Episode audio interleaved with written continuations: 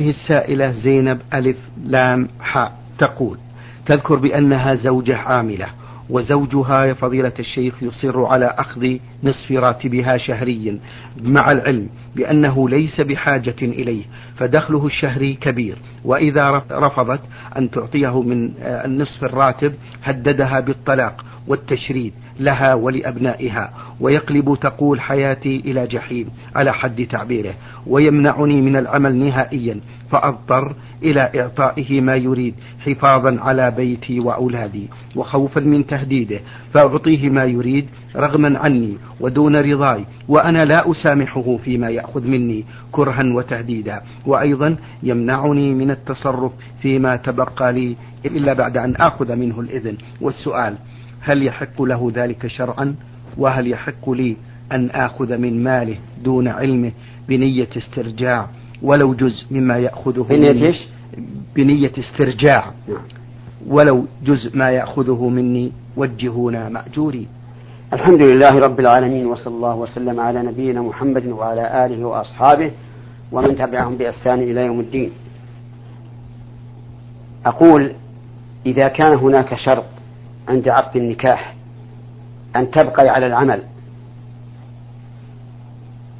دون معارض فلك الشرط ولا يحل له أن يأخذ منك قرشا واحدا ولا أن يمنعك من العمل. لقول النبي لقول الله تبارك وتعالى يا أيها الذين آمنوا أوفوا بالعقود. وقوله تعالى يا وأوفوا بالعهد إن العهد كان مسؤولا. وقول النبي صلى الله عليه وعلى آله وسلم المسلمون على شروطهم. إلا شرطا أحل حراما أو حرم حلالا. وقوله صلى الله عليه وسلم كل شرط ليس في كتاب الله فهو باطل. يعني وكل شرط في كتاب الله فهو حق. فإذا كنت شرطت عليه عند عقد النكاح أن لا يمنعك من العمل فليس له حق أن يمنعك. وليس له الحق أن يأخذ من راتبك قرشا واحدا. أما إذا لم تكن اشترطت عليه اشترطت عليه فمن المعلوم أن المرأة ملك لزوجها بمعنى أنه يملك جميع أوقاتها فليس لها أن تشتغل بعمل خارج عن البيت إلا بإذنه. وحينئذ نقول إذا لم تشترطي عليه واتفقت أنت وإياه على أن يكون له نصف الراتب ولك النصف أو له الثلث ولك الثلثان أو له الثلثان ولك الثلث فلا بأس. المسلمون على شروطهم. ولكن الذي يبقى لك مما شرط لك ليس له الحق في منعك من التصرف به. تصرف فيه كما شئت. ولهذا كانت أزواج الرجال في عهد النبي صلى الله عليه وعلى آله وسلم يتصرفن كما شئت دون الرجوع إلى الأزواج. وذلك أن النبي صلى الله عليه وعلى آله وسلم حين خطب النساء بعد خطبة الرجال في صلاة العيد وأمرهن أن يتصدقن جعلت المرأة تأخذ من خواتمها وأخراصها وتلقيه إلى النبي صلى الله عليه وسلم بواسطة بلال رضي الله عنه. ولم يقل لهن هل استأذنت هل استأذنتن أزواجكن؟ والزوج ليس له حق في مال الزوجة إطلاقا. لا راتبها ولا ثيابها ولا حليها ولا غير ذلك. هي حرة فيه. وإذا قدرنا أن الزوج ضغط عليك وهددك بالطلاق إن لم تفعلي أي إن لم تعطيه شيئا لم يش... لم يكن اشترطه عند العقد فإنه آثم وما يأخذه سحت محرم عليه. فليتق الله في نفسه وليتق الله في أهله وأولاده. نعم. أحسن الله إليكم يا شيخ. تقول السائلة لقد من الله علي بحج بيته الحرام وأنا في المزدلفة وجدت مبلغ خمسين ريال في التراب وأنا أجمع الحصى فأخذتها بقصد التبرع بها للمسلمين أو غيرهم لأنني إذا تركت ذلك في التراب لن يستفيد منه أحد من المسلمين وفعلا عند عودتي تبرعت بها مع إضافة مبلغ من المال للمسلمين في كسوفة فهل علي شيء في ذلك؟ أولا ذكرت السائلة أنها فعلت ذلك حين كانت نعم وجدت ذلك حين كانت تلتقط الحصى. نعم. وأقول لها ولغيرها إن التقاط الحصى من مزدلفة ليس بسنة. فإن النبي صلى الله عليه وعلى آله وسلم لم لم يلقط الحصى حصى الجمار من مزدلفة ولا أمر بذلك. وإنما استحبه بعض العلماء رحمهم الله لأن الإنسان مأمور إذا وصل منى أن يبدأ قبل كل شيء بالرمي. قالوا والإنسان إذا ركب راحلته وتوجه إلى منى متى يلتقط الحصى؟ إذا كنا نقول إن أول ما يبدأ به الرمي. فقالوا إذا يستحب أن يأخذ الحصى من مزدلفة قبل أن يركب. هذا وجه ما قاله بعض أهل العلم أنه يستحب أن يلقط الحصى من مزدلفة وإلا فلا سنة في ذلك. والنبي صلى الله عليه وسلم أمر أن يلقط له الحصى سبع حصيات فقط وهو في طريقه إلى منى. بل إن ابن حزم رحمه الله قال إنه أمر ابن عباس أن يلقط له الحصى وهو واقف على الجمرة جمرة العقبة فالتقطها له ثم رمى بها. هذا هو المشهور. أما بالنسبة لما وجدت فإنه لا يجزئ أن تتصدق به في مكانها في بلدها. لا لكسوفة ولا غيرها. وذلك لأنها وجدتها في مكان فاضل تضاعف فيه الحسنات. فكان عليها أن تتصدق بذلك في مكة. من أجل آه، كثرة الثواب لصاحبها. وعلى هذا فنقول لهذه المرأة ما تصدقت به على كسوفة فهو في محله إن شاء الله لكن أجره لك وعليك أن تصدقي بخمسين ريالا في مكة. الآن توصي أحد من معارفها أن يتصدق بخمسين ريالا عن صاحبها والله تعالى يعلم به. وإذا لم يكن لها معارف في مكة فمتى ذهبت إلى مكة؟ تصدقت بخمسين ريالا عن صاحب الخمسين التي ضاعت.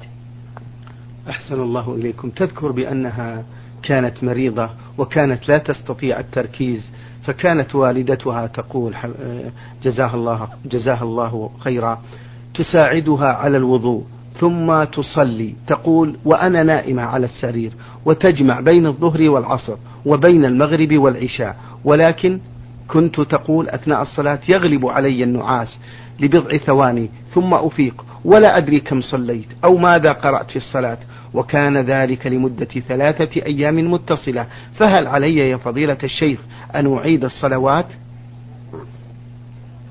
ما دامت تعي ما تقول لكن تغفو قليلا لا ينتقض به الوضوء فلا إعادة عليها. ولا حرج لو كانت أمها عندها وجعلت تلقنها. تقول مثلا كبري اقرأي اركعي اسجدي قولي كذا. لا حرج في هذا. وأما الجمع فلها أن تجمع بين الظهر والعصر وبين المغرب والعشاء. وذلك لأن الجمع بابه واسع. كلما شق على الإنسان أن يصلي كل صلاة في وقتها بأي سبب من الأسباب فإن له أن يجمع بين الظهر والعصر وبين المغرب والعشاء. دليل ذلك ما رواه مسلم في صحيحه عن ابن عباس رضي الله عنهما أن النبي صلى الله عليه وعلى آله وسلم جمع بين الظهر والعصر وبين المغرب والعشاء في المدينة من غير خوف ولا مطر. قالوا ما أراد إلى ذلك؟ يعني ما الذي أراد بهذا؟ قال ابن عباس رضي الله عنهما أراد أن لا يحرج أمته أي أن لا يلحقها حرج في ترك الجمع. نعم. حفظكم الله في آخر أسئلة السائلة زينب تقول عندي كمية من الذهب اشتريتها بغرض الزينة حفاظا على مالي من أن أصرفه. وهذا الذهب يبلغ النصاب وحال عليه الحول وفي نيتي أن أزكيه إن شاء الله. ولكن قبل شهر من تمام الحول رزقت بمبلغ من ميراث لأبي يرحمه الله. فهل أزكي الذهب فقط عند تمام الحول أم أزكي الذهب بالإضافة إلى المال أيضا؟ آه، يجب عليها أن تزكى الذهب إذا تم حوله سواء أتاها مال سواه أم لا. لأن القول الراجح من أقوال أهل العلم أن الحلي تجب فيه الزكاة. حتى لو كان معدا للاستعمال فقط فإن فيه الزكاة بعموم الأدلة ولم يرد عن النبي صلى الله عليه وعلى آله وسلم تخصيص لها. أي لم يرد عنه أن الحلي ليس فيه زكاة. وقياسه على الثياب ونحوها مما يحتاجه الإنسان قياس فاسد. أولا لأنه قياس في مقابلة النص. فقد جاء في النصوص عن خصوص الحلي أن فيه الزكاة. كما في حديث عمرو بن شيع عن أبيه عن جده أن امرأة أتت النبي صلى الله عليه وسلم وفي يد ابنتها مسكتان غليظتان من ذهب فقال أتؤدين زكاة هذا؟ قالت لا.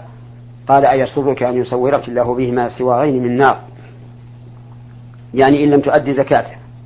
فخلعتهما وألقتهما إلى رسول الله صلى الله عليه وعلى آله وسلم وقالت هما لله ورسوله. وهذا نص صريح في نفس الحلي. ولا يمكن إبطاله بقياس فاسد. والقياس على الثياب فاسد من وجه من وجه آخر. وهو أن الأصل في أن الأصل في الثياب عدم الزكاة حتى تكون معدة للتجارة. وأما الذهب فالأصل فيه الزكاة.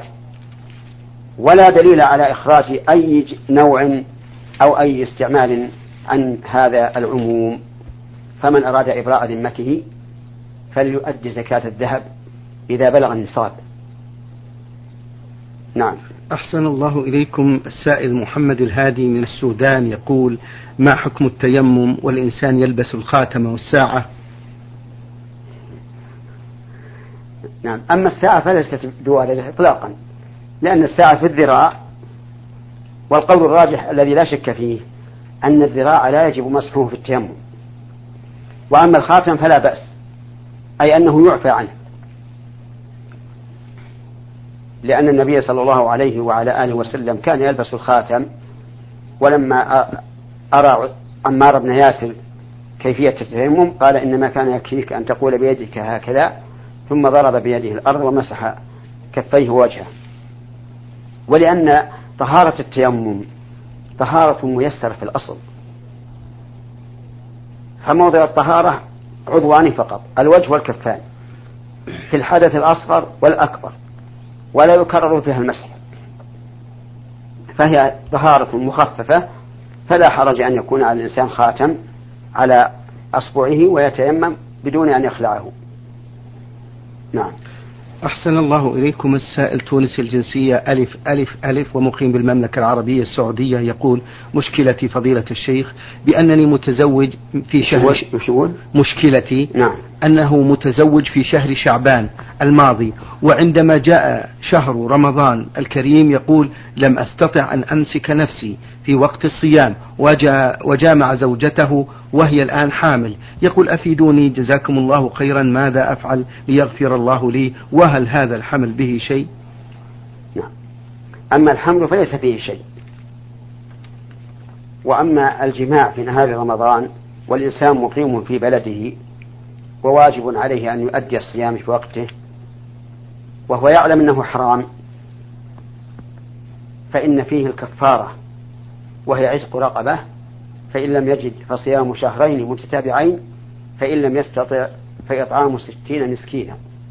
هكذا ثبت عن النبي صلى الله عليه وعلى آله وسلم فعل هذا الفاعل أن يؤدي الكفارة كما جاء في الحديث.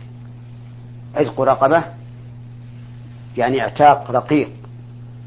فإن لم يجد فصيام شهرين متتابعين فإن لم يستطع فيطعام ستين مسكينا. والمرأة مثله إلا أن يكون قد أكرهها فليس عليه شيء فليس عليها شيء. نعم. أحسن الله إليكم. السائل علي من خميس مشيط يقول فضيلة الشيخ أفتوني في سؤال هذا مأجورين. بعض الأئمة في المساجد إذا جاء شهر رمضان مثلا أجر من ينوب عنه في المسجد وذهب إلى الحرم يصوم هناك وأعطى الأجير نصف الراتب. فهل بقية الراتب حلال لهذا الإمام إمام المسجد؟ ينبغي أن يكون السؤال هل هذا حلال ولو أعطى النائب آه، الراتب كله؟ نعم أرى أن هذا لا يجوز له أن يفعل. أن يترك المسجد الذي قيامه به واجب ويذهب إلى إلى إلى مكة لأن الذهاب إلى مكة أعلى ما نقول فيه إنه إنه سنة. صحيح. أو على الأقل نقول تطوع. هذا أعلى ما نقول فيه. وقيامه بفريضة الوظيفة واجب. فلا يحل للإنسان أن يدع وظيفته التي يجب عليه أداؤها ويذهب إلى مكة ليصوم رمضان هناك أو يدع الوظيفة ويعتكف في بعض المساجد كما يفعله بعض الناس. وهذا من الجهل. القيام بواجب الوظيفة أفضل من التطوع أفضل من أن يؤدي عمرة فضلا عن أن يبقى كل رمضان في, في مكة. يعني لو قال أقوم بوظيفتي أو أؤدي العمرة أيهما أفضل؟ قلنا قم بالوظيفة ودع العمرة. لكن إذا كان يريد أن يؤدي العمرة في يومين أو ما أشبه ذلك لسهولة الوصول إلى مكة الآن والحمد لله فأرجو أن لا يكون في هذا بأس. يذهب يوما أو يومين في الطائرة ويرجع. نعم. الشخص الذي يستخدم عمال من الخارج ويأخذ من أجرتهم عشرين في المية مقابل كفالته لهم هل هذا حلال أم فيه شبهة؟ هذه لا شبهة فيها أنها حرام. أولا لأنها تخالف نظام الدولة. وكل شيء يخالف نظام الدولة فهو حرام وإن كان في الأصل حلالا. لأن الله تعالى أوجب علينا طاعة ولاة الأمور في غير الحرام. وإذا كان ولاة الأمور قد سنوا نظاما نحو العمالة فالواجب اتباعه. ما لم يكن محرما في نفسه. وإذا كان كذلك فإن هذا الاتفاق الذي بينهم يجب عليه إلغاؤه. وأن تكون الأجرة كلها لهم أجرة عملهم كلها لهم ولا يأخذ منهم شيئا. اللهم إلا وأقولها على على مضض. إلا إذا أراد أن يخرج أن يأخذ مقدار ما خسره في الذهاب إلى بلادهم وجلبهم فقط. فهذه قد قد أقول وأستغفر الله إن كنت مخطئا إنه لا بأس به مع أني في تردد من هذا. ولو أن الناس مشوا على ما يجب عليهم نحو العمالة لحصل خير كثير. لكن الآن كما نرى جعلوا مسألة العمالة مسألة تجارة. يأتون بهم ويأخذون عليهم ضرائب كل شهر. يؤدون 300 ريال أو أكثر أو أقل وهم نائمون على فرشهم وهؤلاء المساكين يكدحون وربما لا يحصلون إلا على هذا الذي قدر عليهم. فليتق الله امرؤ في نفسه وفي إخوانه وفي حكومته وليتمشي على النظام آه تماما بدون تفريط. نعم. أحسن الله إليكم وبارك فيكم السائلة من ليبيا. ميم ميم ميم. تقول أرجو الإجابة على أسئلة مأجورين فضيلة الشيخ. إذا أردت أن أصلي الوتر سردا مثلا خمس ركعات أو تسع ركعات فهل يجوز أن أقرأ الفاتحة ومعها سورة في كل ركعة؟ أرجو التوضيح بالتفصيل. نعم. الوتر أنواع. أقله ركعة واحدة. نعم. ثم ثلاث. والثلاث إن شاء سردها سردا بتشهد واحد وإن شاء سلم من ركعتين ثم استأنف الثالثة. وإذا أوتر بخمس سردها جميعا بتشهد واحد. وإذا أوتر بسبع سردها جميعا بتشهد واحد. وإذا أوتر بتسع سرد ثمانيا وجلس للتشهد. ثم قام للتاسعة ولا, ولا يسلم في الثامنة. ثم إذا فرغ من التاسعة سلم. وإن أوتر بإحدى عشرة فإنه يصلي ركعتين ركعتين ويوتر بواحدة. هذا صفة الوتر.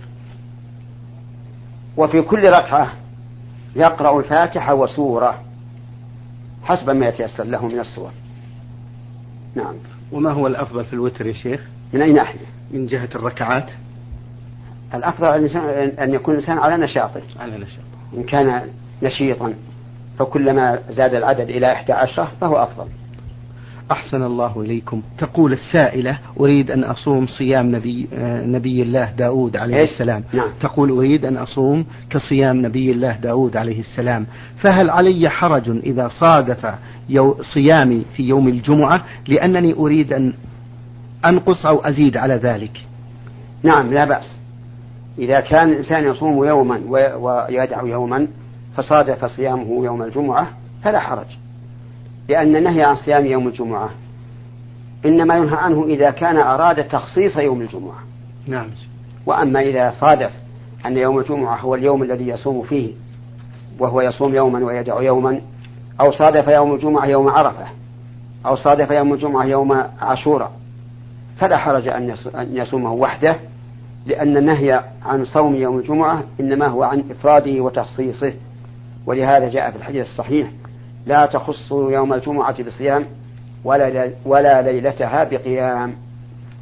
نعم. تذكر تقول بأن امرأة تريد أن تعالج نفسها بقراءة سورة البقرة في كل يوم. بأنها امرأة؟ امرأة تقول امرأة تريد أن تعالج نفسها بقراءة سورة البقرة في كل يوم. فهل عليها حرج إذا قرأت ذلك في أيام الحيض وهذا يتطلب الاستمرار في العلاج؟ وإذا كان لا يجوز فكيف تفعل؟ وهل قراءة البقرة وحدها تكفي للعلاج؟ لا أعلم في هذا سنة أن قراءة البقرة كل يوم علاج. وإذا لم ترد السنة بذلك فلا فليس لنا أن نفعل. وعلى هذا فأقول لا تتعالج بقراءة الجمعة آه، بقراءة البقرة كل يوم. إنما تتعالج بما جاء به النص. نعم. أحسن الله إليكم. هذا سائل يقول مدرس يعمل في إحدى المدارس الأهلية وينص عقده مع المدرسة بعدم إعطاء دروس خصوصية وعندما يسأله صاحب المدرسة هل تعطي دروسا خصوصية؟ يقسم بعدم إعطائه أي دروس. والسؤال هل يحق لهذا المدرس أن يعطي دروسا؟ وهل هذا مخالف للعقد مع العلم بأن ذلك لا يؤثر على عمله في المدرسة؟ لا يحل له أن يأخذ دروسا أن يعطي دروسا خاصة مع أنه ممنوع نظاما. لقول الله تعالى يا أيها الذين آمنوا أوفوا بالعقود. وهذا الرجل المدرس دخل على أنه ملتزم بجميع الشروط التي تقتضيها الوظيفة ومنها أن لا يدرس دروسا خصوصية. وعلى هذا فنقول لا بد أن يستأذن من يحق له أن يسمح له في أن يعطي دروسا خصوصية فإن أذن له فذاك وإن لم يؤذن له فإنه لا يحل له أن يعطي هذه الدروس الخصوصية. أحسن الله إليكم من أم حسن سودانية وتقيم في المملكة تقول زوج يقضي آه، جميع يومه في العمل وعندما يعود للمنزل لا يتحدث مع زوجته وأولاده فقط بل يأمرهم بعدم إحداث الضوضاء حتى يستطيع أن ينام ولا يهتم بشراء ما يلزمهم من طعام وأغراض أخرى. وإذا عاد ليلا يجلس ليقرأ في أحد الكتب ويقوم باستضافة أصدقائه على الطعام في المطاعم وربما يكون أولاده ليس لديهم ما يأكلونه لعدم إحضاره أغراض البيت. فهل من كلمة توجيهية لمثل هذا الزوج؟ قال الله عز وجل وعاشروهن بالمعروف. يقول السائل حفظكم الله المرسلة من منطقة عسير فاء ألف عين. لقد نذرت إذا نجحت هذا العام أن أصلي في كل يوم ركعتين وأنا بصراحة لا أداوم عليها. فما الحكم؟ وهل يلحقني إثم؟ الواجب على الإنسان إذا نذر طاعة لله عز وجل أن يوفي بنذره. لقول النبي صلى الله عليه وعلى آله وسلم من نذر أن يطيع الله فليطعه. وإذا لم يفي الإنسان بنذر الطاعة المشروط فإنه على خطر عظيم. يعني مثلا لو قال إن شفى الله مريضي أو شفاني فلله عليه النذر أن يصلي عشر ركعات مثلا. نعم. وعافاه الله أو عافى صاحبه ولم يف بنذره فإنه على خطر عظيم. لقول الله تبارك وتعالى ومنهم من عاهد الله لئن آتانا من فضله لنصدقن ولنكونن من الصالحين. فلما آتاهم من فضله بخلوا به وتولوا وهم معرضون فأعقبهم نفاقا في قلوبهم إلى يوم يلقونه بما أخلفوا الله ما وعدوه وبما كانوا يكذبون. فانظر إلى هذه العقوبة العظيمة أن الله أعقبهم نفاقا في القلوب إلى أن يموتوا. فالمسألة خطيرة ونقول لهذا الرجل الذي نذر أن يصلي ركعتين يجب عليه أن يصلي ركعتين كل يوم كما نذر. وقد وفى الله له بنذره فعليه أن يوفي الله تعالى بما نذر. وإنني بهذه المناسبة أخبر إخواني المسلمين أن النبي صلى الله عليه وعلى آله وسلم نهى عن النذر وقال إنه لا يأتي بخير وإنما يستخرج به من البخيل وأخبر صلى الله عليه وعلى آله وسلم أن النذر لا يرد قضاء وأن ما قضاه الله تعالى فسيكون